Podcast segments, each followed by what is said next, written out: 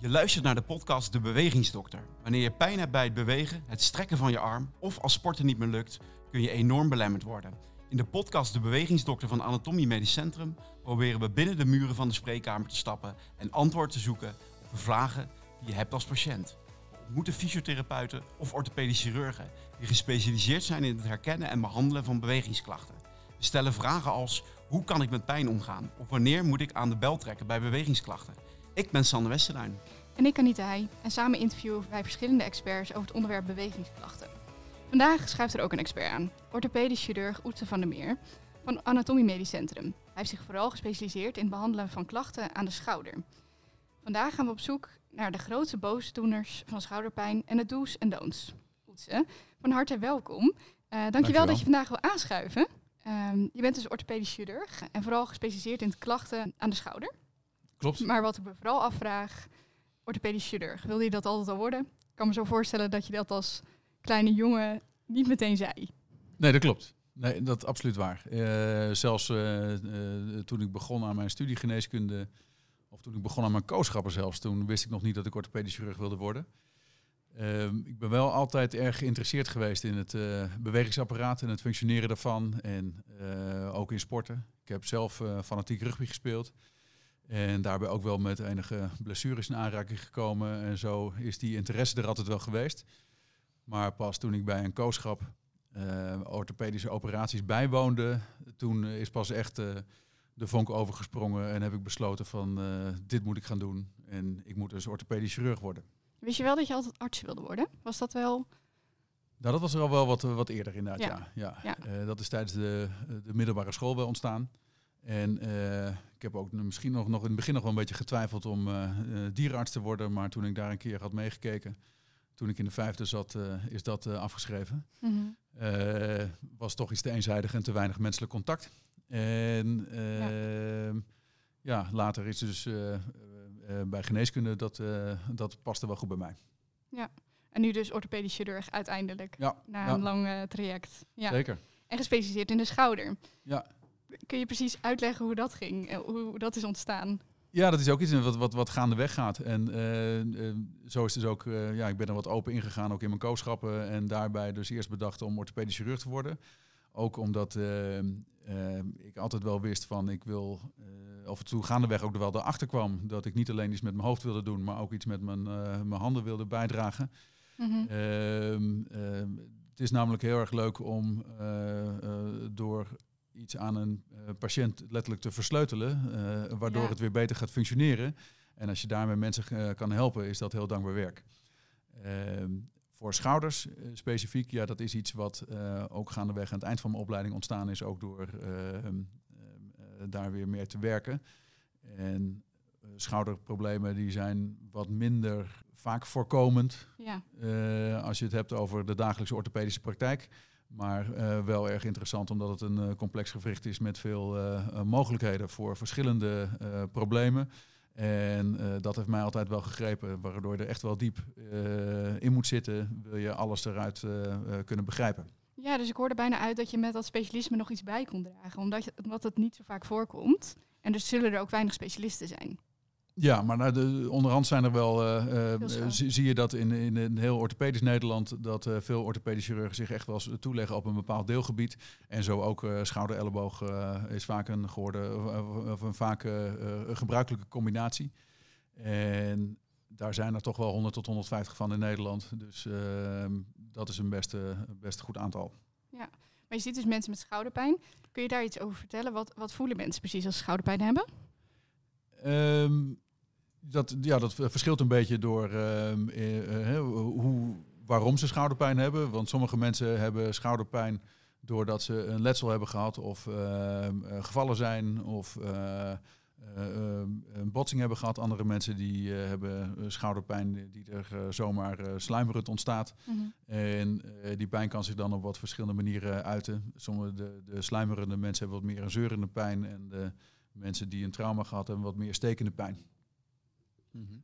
Je ligt het al een beetje toe, hè, hoe, die, uh, hoe die schouderpijn uh, ontstaat. Ja. Uh, maar zijn, ja, kun je daar ook onderscheid in maken? Hè? Dat je onderscheid maakt in verschillende schouderklachten. eh, hoe dat ontstaat en wat, eh, wat dan ook de diverse ja, mogelijkheden zijn om dat te behandelen. Ja, nee, ja, eh, dat is nou uh, dat is een van de essenties van, uh, van wat we doen natuurlijk. Ehm, dus dat klopt inderdaad. Het is maar vaak mijn eerste, eerste vraag van, hè, is er nou een acuut moment geweest, zoals we dat noemen? Hè? Is er een moment geweest van dat er ineens iets inschoot? Het kan een ongeval geweest zijn of een verkeerde beweging of blijven hangende trapleuning. Of is het meer iets wat gewoon geleidelijk is opgekomen en vervolgens heel erg lang is gebleven en niet, niet meer weg wil gaan? En die twee verschillende soorten pijn, ja, dat maakt vaak wel een verschil of je daar als orthopedische chirurg nou echt iets aan bij kunt dragen. Of dat het toch meer een, uh, een advies wordt om met name een levensstijl aan te passen en fysiotherapie te gaan doen. En komen die mensen ook, die patiënten ook anders binnen in de spreekkamer? Zie je dat ook het verschil tussen die acute en die, en die ja, wat langdurige pijnklachten? Uh, het is niet hoe ze binnenkomen lopen, maar uh, wat, je wel, uh, uh, wat je wel merkt, is dat vaak de, de mensen die acute pijnklachten hebben, zijn toch eerder de jongere patiëntengroep. En de mensen met sluimerende klachten is toch vaak eerder van middelbare leeftijd.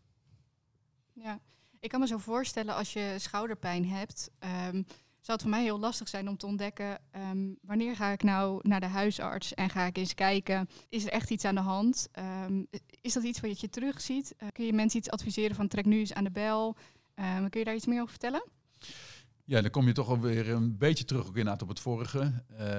vooral als je dus echt een acuut moment gehad hebt, of ja. je bent gevallen, verkeerde beweging. Met de fiets en, of zo. Uh, ja, ja, bijvoorbeeld. Uh, of met sporten, kan ook. En je hebt een paar weken last die niet weggaat. En je bent ook al bij een fysiotherapeut geweest en die kan het ook niet verhelpen. Dan kan het handig zijn om uh, te kijken of er met dat uh, plotselinge moment of met die gebeurtenis of met die val iets kapot gegaan is. waarvoor je als orthopedisch chirurg iets zou kunnen doen om dat op te lossen. Um, aan de andere kant mensen die dus zo'n sluimerende uh, aanloop hebben. En uh, die kunnen natuurlijk ook op een gegeven moment zo lang last hebben dat ze wel eens duidelijk willen hebben van wat er aan de hand is. Ja, ja. Maar dan heb je het vaak meer over een iets langer traject. Als die binnen een paar weken op de stoep staan, dan uh, vaak merk je namelijk dat schouderklachten die sluimerend beginnen ook vanzelf weer, weer overgaan. Ja, precies. En dat moet je zeker wel twee, drie maanden de tijd geven. want anders ben, kan je soms als het ware weer te vroeg zijn. Maar wat je voor die groep wel uh, in zijn algemeenheid kan zeggen, dat het belangrijk is om, zolang als je last hebt van die schouder, om dan ook niet te verwachten dat je ondertussen precies alles kan doen wat je altijd gedaan hebt. Want dat provoceert vaak pijn. Ja, dus aanpassen, je leven aanpassen. Exact, even tijdelijk ja. je leven aanpassen en zorgen dat je die pijn uh, niet provoceert. En ondertussen, vaak helpt het om uh, een gespecialiseerde fysiotherapeut te zoeken die je nog met specifieke oefeningen en advies uh, kan helpen om er eerder vanaf te komen. Ja, en een fysiotherapeut is misschien ook degene die je heel erg leert van hoe uh, kun je je leven aanpassen. Hè? Ja. Ik bedoel, daar ben ja. jij natuurlijk uiteindelijk niet voor.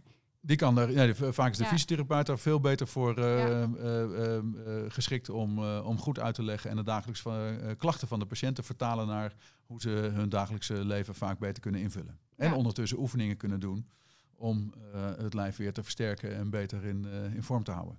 Oké, maar ik heb Mhm. schouderpijn. Ik ben al bij de fysiotherapeut geweest. Uiteindelijk eh, ga ik naar de huisarts. Ja. Eh, huisarts verwijst me door eh, naar jou, naar de schouderspecialist, om het zo even te noemen. Ja. Eh, kom ik bij jou op het spreekuur.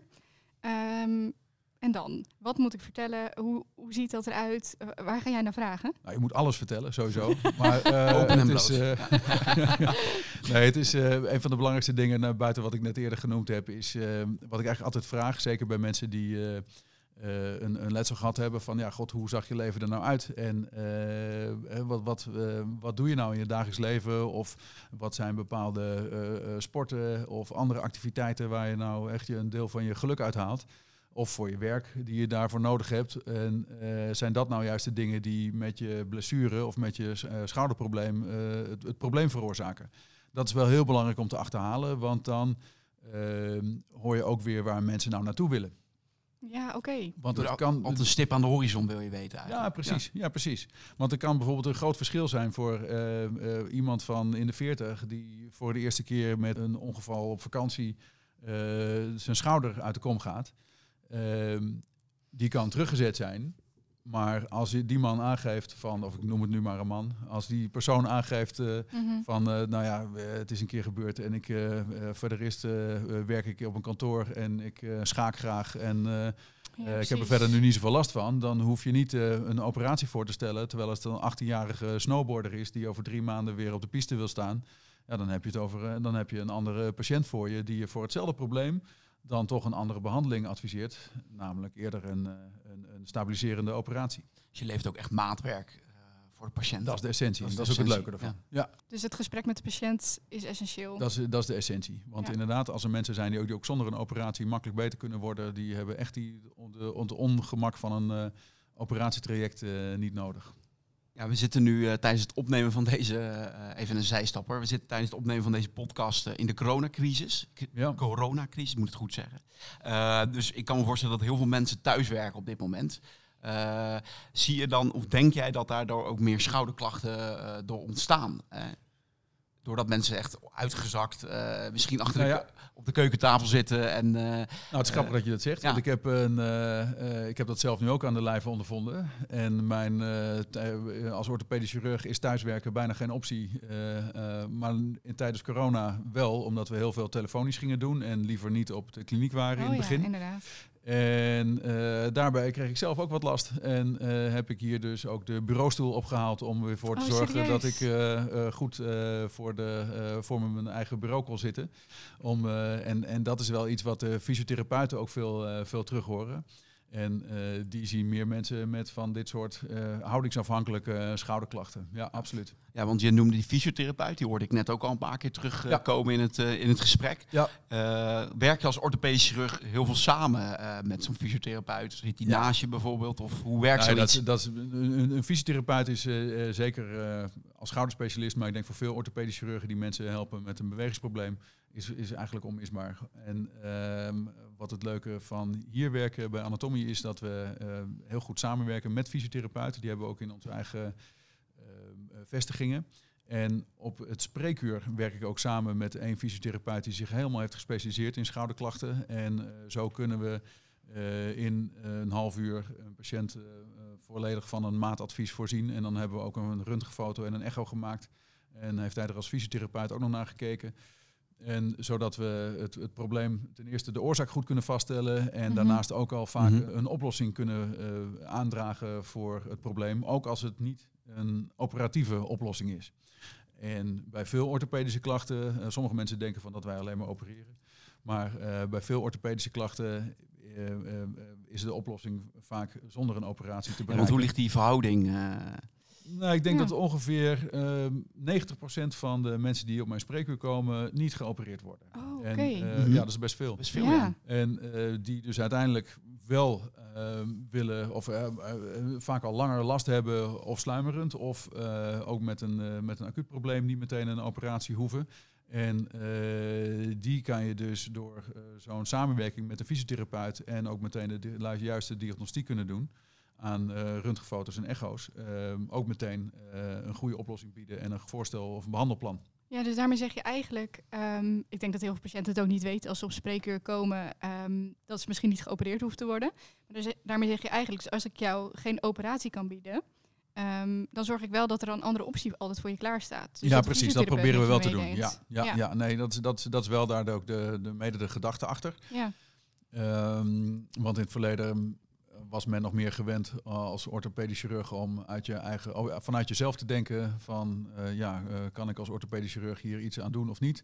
En als dan het antwoord op die vraag nee was, om dan inderdaad daarmee ook je, um, je effort te, te stoppen. En wij proberen dan nog wel een stapje verder te gaan en ook die mensen juist wel een oplossing te bieden. Want vaak, ook als je niet kan opereren, kan je wel degelijk als orthopedisch chirurg en fysiotherapeut bedenken uh, wat iemand zou moeten, kunnen, moeten doen uh, om uiteindelijk het probleem voor zichzelf op te lossen. Ja, en hoe ervaart de patiënt dat? Uh, komt hij Ja. niet binnen met het idee van nou de orthopeed die gaat meteen opereren? Of uh, hoe, hoe, hoe ziet hij dat? Ja, nee, dat is natuurlijk wel, uh, dat, dat, dat wisselt erg per persoon. Je hebt mensen die inderdaad uh, heel goed ook uh, zelf willen werken aan een oplossing. Mm-hmm. En je hebt mensen die gewoon liever hebben dat jij als orthopedisch chirurg zo met de knippende vingers het probleem oplost. En uh, zodat ze gewoon door kunnen gaan met hun normale leven. Nee, nee, nee. Zo werkt het toch vaak Nee. niet. Nee, het is toch vaak echt zo. Uh, je zult even tijdelijk, zolang je last hebt van een schouder, tijdelijk je leven aan moeten passen op dat probleem van die schouder. En er moet ervoor moeten zorgen dat je in je dagelijkse belasting eh, niet de pijn provoceert, zodat een schouder eh, of eh, welk, aan welk lichaamsdeel dan ook even de kans krijgt om te herstellen. En eh, daarmee los je het probleem vaak op, zodat je eh, uiteindelijk weer vol aan de slag kan. Is dat niet Mooi. lastig om dat tegen patiënten te moeten zeggen? Dus dat je eigenlijk altijd, ja, ze zitten natuurlijk tegenover je en Ja. ze hopen dat jij de oplossing voor ze hebt. Ja. En dan zeg jij eigenlijk, ja, maar je moet ook je leven aanpassen. Ik, zei, nee, ik benoem altijd heel sterk dat het een, eh, een, een, eh, ehm, een, een drie-eenheid is. En dat is met, samen met de, de, de fysiotherapeut, de patiënt en eh, dan de orthopedisch chirurg. Waarbij mijn verantwoordelijkheid dan is om een, eh, een structurele afwijking eh, op te lossen of eh, te Ja, herstellen precies. met een operatie. En als dat geen mogelijkheid is, dan is het, blijft over de fysiotherapeut die je dan gaat helpen met houding en ook sterker maken van een, van een schoudergordel en het weer op de juiste manier bewegen. En ondertussen, als derde pijler, is het belangrijk dat de patiënt zorgt dat hij dus in die periode niet, eh, ondanks de pijn, toch maar doorgaat met het normale leven. Want ja, dan gaat een probleem nooit over. Want kun je ons daar wat dat betreft gouden tips geven? Wat voor advies geef jij wel eens? Wat zijn de do's en don'ts bij schouderklachten? Nou, met name niet dus overdag eh, maar pijnstillers nemen om eh, gedaan te krijgen wat je normaal gesproken eh, gewend Oh, bent of wat je in je hoofd hebt. hoort. Ja, nee, doe ik eh, niet. En ik eh, adviseer dus mensen inderdaad om maar eh, juist overdag goed rekening te houden met wat je ah, lichaamsdeel, in dit geval dus je schouder die pijn geeft, aangeeft. Zodat je ervoor zorgt dat je je leven zo inricht, even tijdelijk, dat je die pijn niet provoceert. En dan mag je best s'avonds voor het slapen gaan, een pijnstiller nemen, paracetamol, ibuprofen, dat soort dingen. Ja, om de Eh, nacht door te komen. Precies, om de nacht goed door te komen, zodat je ook eh, goed slaapt, zodat je wat uitrust. En, hè, want van weinig slapen wordt niemand beter. En, zodat, maar zodat je de volgende ochtend dus niet meteen weer begint met hop, pijnstilling erin en, we weer, en we weer gaan. Want dan, dan, zo merk ik vaak dat mensen dan van week tot week meer pijn krijgen en dan uiteindelijk met een hoop problemen in de spreekkamer komen. Ja, uiteindelijk passen ze daardoor niet hun levensstijl echt aan. Nee, en dat zijn nou Nee, ook de problemen die je als orthopedisch chirurg niet kan oplossen. Ah. Dus daar, eh, vroeg of laat Oh, moeten mensen, ja, ja. vroeg of laat moeten die mensen toch die eh, switch maken om hun probleem op te lossen. Maar dat zijn dus vaak de mensen die dus een, slu- een sluimerende schouderklachten hebben zonder een acuut moment. Ja, dus do's en don'ts. Pijnstilling is niet de oplossing. Met name niet overdag om bepaalde dingen te kunnen doen. Ja. Dan moet je geen pijnstilling nemen om de nacht door te komen wel. En als ik kijk ehm, naar sport, zijn er sporten waarbij je ook do's en don'ts kan geven? Want je vertelde al een beetje dat soms door een directe val iets gebeurt. Ehm, Ja, eh, is dat bij sport, eh, kun je daar ook wat tips voor geven voor de do's en don'ts? merkt wel dat mensen met contactsporten of fitness of eh, crossfit tegenwoordig zie je ook veel dat daar toch wel problemen eh, eh, optreden. En een van de problemen die nog niet vaak herkend wordt, is een probleem van een van de bicepspezen. En dat is een, een van je twee ophangpunten van je spierbal die door het schoudergewricht heen loopt. En die komt eigenlijk vanuit het kommetje. En vaak bij bovenhandse beweging en bovenhandse belasting en soms een geforceerde beweging, ook bijvoorbeeld bij bankdrukken of en wat crossfitters vaak doen om zich op te trekken aan, eh, aan, aan stangen boven zich.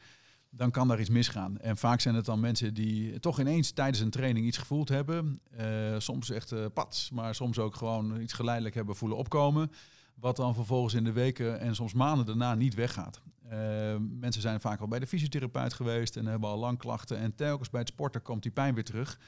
Wat, wat ze weerhoudt van eh, hun, eh, hun hobby en het terugkeren op het gewenste niveau.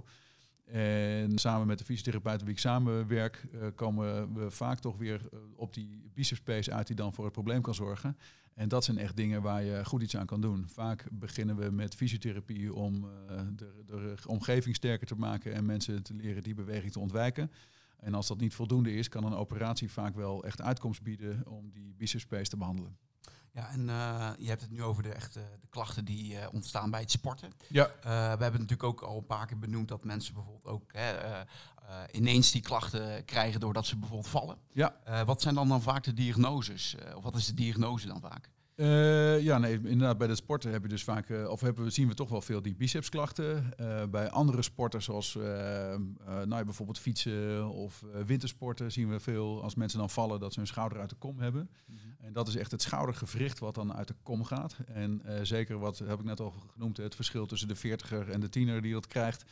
Eh, maar dat zijn dus ook nog vaak relatief jonge Ja. mensen die dat hebben. En ehm, eh, waar dus vaak een stabiliserende operatie nodig is om die mensen weer ehm, goed aan een normale sportbeoefening ehm, kunnen laten deelnemen. Veel fietsers die vallen, die hebben niet het schoudergewricht wat uit de kom gaat, maar het sleutelbeengewricht, ehm, het AC-gewricht heet dat. Eh, of het sleutelbeen zelf wat breekt, of het AC-gewricht wat uit de kom gaat. En dat is wat anders dan een normale schouder die uit de, eh, eh, die uit de kom gaat, maar dat is meer een, een, een, het sleutelbeen wat dan omhoog gaat staan. En dat schiet dan ook niet meer terug op zijn plek. En sommige mensen zien dat ook aan de buitenkant. En dat is iets wat wel een typische fietsblessure is. Ja, wat je me eigenlijk veel leert nu over schouderklachten. Wij, wij zijn heel erg op zoek, dat merk je aan onze vragen ook, van hoe kun je het voorkomen? Hoe kun je zorgen dat je geen schouderklacht krijgt? Maar ik merk heel erg aan jou dat het iets is wat je overkomt. En ehm, waardoor je dan vaak ook met fysiotherapie misschien wel verder komt, maar dat het vaak toch een aanpassing is in je leven, maar wat je eigenlijk niet kunt voorkomen. Nou ja, zeker dit soort uh, incidenten. Hè. Ja, ja. je kan voorzichtig zijn, maar uh, ja, god, uh, er zitten nou helemaal risico's ja, in het leven. Een val van je fiets, ja. Nou ja daarom. Zit niemand op te wachten. Nee, zeker niet. En met die, met die, met die klikpedalen van tegenwoordig zie je dus wat meer dat mensen dan echt, echt vallen, vol op hun schouder vallen. En dan de, tegen dit soort problemen aan, aanlopen, ja, dat is toch gewoon een kwestie van pech. En vaak beschadigt er dan wel iets. En uh, in, in sommige gevallen moet je daar dan inderdaad als orthopedisch chirurg ook iets aan doen om uh, mensen weer op een oude niveau te krijgen. Ja. ja. ja. Even nog een stap terug naar jou als, als persoon, als orthopedisch chirurg. Ehm, ja, wat, wanneer is eigenlijk, valt er een last van jouw schouders op het moment dat je ja, een dag hebt gewerkt binnen de, binnen de kliniek? Uh, ja, nee. Uh, het doel is altijd om mensen weer uh, tevreden te krijgen. En na een dag polyklinisch werk is het leuk als we mensen gewoon verschillende puzzeltjes hebben kunnen oplossen. Hè. Dat sommige mensen die, die, die, die hebben toch al soms langere tijd last van een bepaald schouderprobleem ja. waar ze geen oplossing in vinden. Nou ja, om mensen die oplossing te kunnen helpen vinden en of je die nou zelf aan, verder moet behandelen of iemand anders, dat is altijd al erg voldoenend. Uh, of voldoeninggevend. Mm -hmm. na een operatiedag uh, is het heel leuk om inderdaad in een, door met je handen iets te hebben verbeterd, mensen de, uiteindelijk weer hun, hun, hun, gewenste belasting of gewenste sporten of leuke dingen in het leven, hobby's, weer te kunnen laten uitvoeren. Dus jouw last van de schouders is dat er bij iemand anders een last van de schouders valt. Ja, eigenlijk ja, ja, ja, Je verschuift hem heel erg naar de ander. Ja, ja. ja, zeker. Ja. Zeker na een operatie hebben ze nog wel even wat te gaan daarvoor, maar uiteindelijk is dat wel het doel, ja. Ja, maar jouw dag is eigenlijk geslaagd als je iemand weer verder hebt kunnen helpen, al, al, is dat door een antwoord. Ja, ja en dat is, eh, dat is denk ik ook wel een beetje het, uh, de essentie van, uh, van het dokter zijn. Ja, ja. Je noemde net al dat je zelf ook al uh, hebt gerugbied in het verleden, ja. de sporten. Uh, doe je dat nog steeds? Uh, nee. Ben je nee, mee gestopt? Nee, ja, absoluut. Ja, nee, dat is. Uh, een reden voor? Ja, zeker. Dat is. nee, het rugby is toch iets wat, waar je toch wel kans hebt om wat blessures op te lopen. En aangezien mijn lijf toch helaas ook ouder wordt en ik dit werk nog even een tijdje wil doen. en ik daarvoor ook mijn handen nodig heb. En ehm, heb ik besloten daarmee te stoppen. Omdat er de risico's op, op blessures en daardoor uh, de kans dat ik bijvoorbeeld mijn werk niet meer even goed zou kunnen doen, dat, uh, die zijn toch wel aanwezig. Uh, dus het heeft je orthopedisch chirurg zijn, heeft jou als mens wat dat betreft dus ook veranderd. Bewust gemaakt ja. van de risico's. Ja, nee, nee, nee absoluut. Ja. Ik bedoel, maar dat, ja, er zijn ook mensen die geen orthopedisch chirurg zijn die om die reden wel stoppen. maar ja, nee, er zijn ook inderdaad vrienden vanuit het team waarmee ik veel gespeeld heb. ja die veel computerwerk doen, ja, die zal het een zorg zijn of ze even een blauwe vinger hebben of een ja, blauw oog. Ja, of, uh, en dan uh, kunnen die nog prima gewoon hun werk doen. Alleen bij mij, als ik, als ik een vinger breek, ja, dan ben ik Want is dat twee, twee, drie maanden uitgeschakeld. Nee, heb ik nooit gehad, gelukkig. Nee. Maar dan, nee. dan ben ik wel twee, drie maanden uitgeschakeld. Ja, en dat is dan natuurlijk niet waard. Dus het is niet dat het je overkomen is, maar het is wel dat je te veel gezien hebt. Ja, ja, ja, ja zeker. Ja. Maakt je gewoon echt alerter op het feit van uh, dit is voor mij even uh, ja, niet de geschikte sport. Nee, nee, precies. Ja, nee, hoewel het wel een heel leuk spelletje is. Dus dat is wel jammer. Maar kijken kan ook. En uh, ondertussen ben ik zelf meer ja, met, een, met een personal trainer een soort ja, crossfit fitness aan het doen om uh, mijn lijf ook gewoon maar uh, te onderhouden en fit te houden voor het werk. En doe je dat bewust onder, onder, onder, begeleiding, um, uh, dat iemand met je meekijkt hoe je bewegingen doet? Is dat een bewuste keuze? Is wel, is, is een onderdeel ervan. het is ook met name een stok achter de deur. en, maar het is ook heel goed dat iemand... Oh, je bent ook goed... gewoon een mens. ja, ja. ja, absoluut, absoluut, absoluut. Eh, maar nee, het is, eh, het is ook heel eh, verstandig, denk ik, dat, eh, dat iemand meekijkt hoe je beweegt. En Ja. ook ervoor zorgt dat je, ehm, je eh, zeker omdat ik de 40 gepasseerd ben, eh, ook eh, niet ineens tegen blessures aan gaat lopen. Nee, Want je hoort toch ook wel, je ziet ook wel mensen in je spreekkamer binnenlopen die eh, ja, in een 30, 40, 50 jaren gewoon vol ergens invliegen in Ja. een, eh, nieuwe sport of iets, de- een nieuwe passie. En dan zichzelf daarin toch voorbij lopen en toch wat kwetsbaarder blijken dan ze zelf hadden wi- zouden willen inzien. De tip is dus ga op die leeftijd niet meer onvoorbereid een sport doen. A- alle- alles kan. Alles Alles, kan, heeft ja. risico's. Uiteindelijk moet iedereen gewoon met name doen waar hij zelf zin in heeft en waar hij blij van wordt. Maar dit is voor mij een manier geweest om, eh, om te zeggen van nou ja, op deze manier hou ik mezelf fit en zorg ik dat ik eh, geen blessures eh, oploop. Ja, je denkt natuurlijk altijd met dit soort dingen, dit overkomt mij niet. Dat overkomt altijd een ander. Maar jij Ja. bent je bewust van het feit dat het ook bij jou zou kunnen Kan gebeuren, ja. Ja, ja. Ja. Wat zijn dingen die jou in het vak altijd bijblijven? Dus is er een patiënt die je nooit zal vergeten? Is er een verhaal dat je altijd bijblijft? Ja, ze zijn er altijd. Maar het, het, het- het zijn inderdaad, wat me nu zo te binnen schiet, is inderdaad een, een motocrosser die ehm, ook gevallen is van zijn motorfiets en eh, dan zo'n AC-luxatie heeft opgelopen. En eh, die kwam toevallig via een, een collegaatje van me die bij de Nederlandse motorsport betrokken is. Ja. En die had hem snel naar me doorverwezen. Nou, die jongen wilde het liefst natuurlijk de dag daarvoor alweer op de motorfiets Ja, zitten. die we gisteren dan vandaag. Ja, precies. Wat bij veel patiënten wel voorkomt. Nou, die hebben we gelukkig snel kunnen opereren. En eh, heb ik heel erg mijn best voor moeten doen om eh, deze enthousiaste jongeman eh wat af te remmen voordat hij weer op zou stappen. Maar na drie, vier maanden, toen hij wel met succes weer op de motor zat en ik van mijn collega een foto met hem met een beker in zijn hand voor me zag. Oh, dat was, ja, dat was wel cool. Dat, dat zijn echt leuke dingen die, die je als arts absoluut bijblijven. Ik heb ook het idee dat dat je best wel aan het hart gaat als iemand bij je komt die een hele actieve sporter is. Ja. En die eigenlijk zegt, ja, Ja. nu kan ik niet meer. Ja. Ja. Dat je denkt, oké, we moeten dus een oplossing gaan verzinnen zodat jij weer goed in het leven kunt staan. Precies, precies. En zeker, dat is ook altijd wel leuk om daar creatief mee te denken van wat is voor deze persoon de beste oplossing. Eh, qua operatie, maar ook eh, ja, kunnen we vaak eh, ook qua snelheid van handelen hier bij anatomie wel wat bijdragen. Ja, maar staat de beker dan ook bij jou op je kamer? Nee, Oh, dat is dan weer jammer. Dus nee die niet- heeft hij zelf gehouden. Vond ik ook zo Ja, raar. vond ik vind ik Ja. eigenlijk wel jammer. Ja, nee, Aandenken. Ja, precies. Ja. je, je hebt er een foto van wellicht. nou, dat is fijn. En die staat niet op de kamer. Nee, hoor. Ja. Ja. En eh, probeer je dan ook altijd nog iets, nog iets mee te geven aan patiënten? Dat, ehm, eh, kun je misschien iets omschrijven wat patiënten waarschijnlijk over jou zouden zeggen? eh, of heb je geen gouden tip? Nee, ik durf het eerlijk gezegd niet zo te zeggen. Niet van jezelf nee, misschien? Nee, nee. Ik, ik, ik, ik heb ook niet meteen iets waarvan ik dan zeg van ja, dat is eigenlijk mijn eh, standaard afsluiter. Druk niet je- ergens je stempel op. Wie, wie weet onbewust, maar Ja. eh, dat zou je dan aan patiënten moeten vragen wat Mhm. die, eh, wat die de vaak volgende podcast. Ja, Ja, precies. wellicht, Ja. wellicht dat we dan Dus nog terug laten De komen. schouderpatiënt. Ja, de schouderpatiënt. Ja. Schouderpatiënt.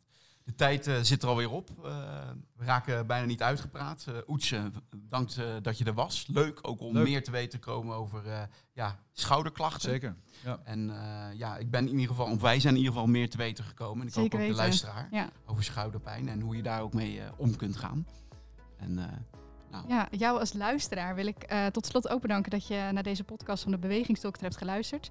Heb je dit nu gehoord en heb je misschien schouderklachten en wil je daar meer informatie over? Kijk dan eens op www.anatomiemc.nl. En de volgende keer spreken we met orthopedisch chirurg Marwan Shadid over kruisbandblessures. Graag tot dan.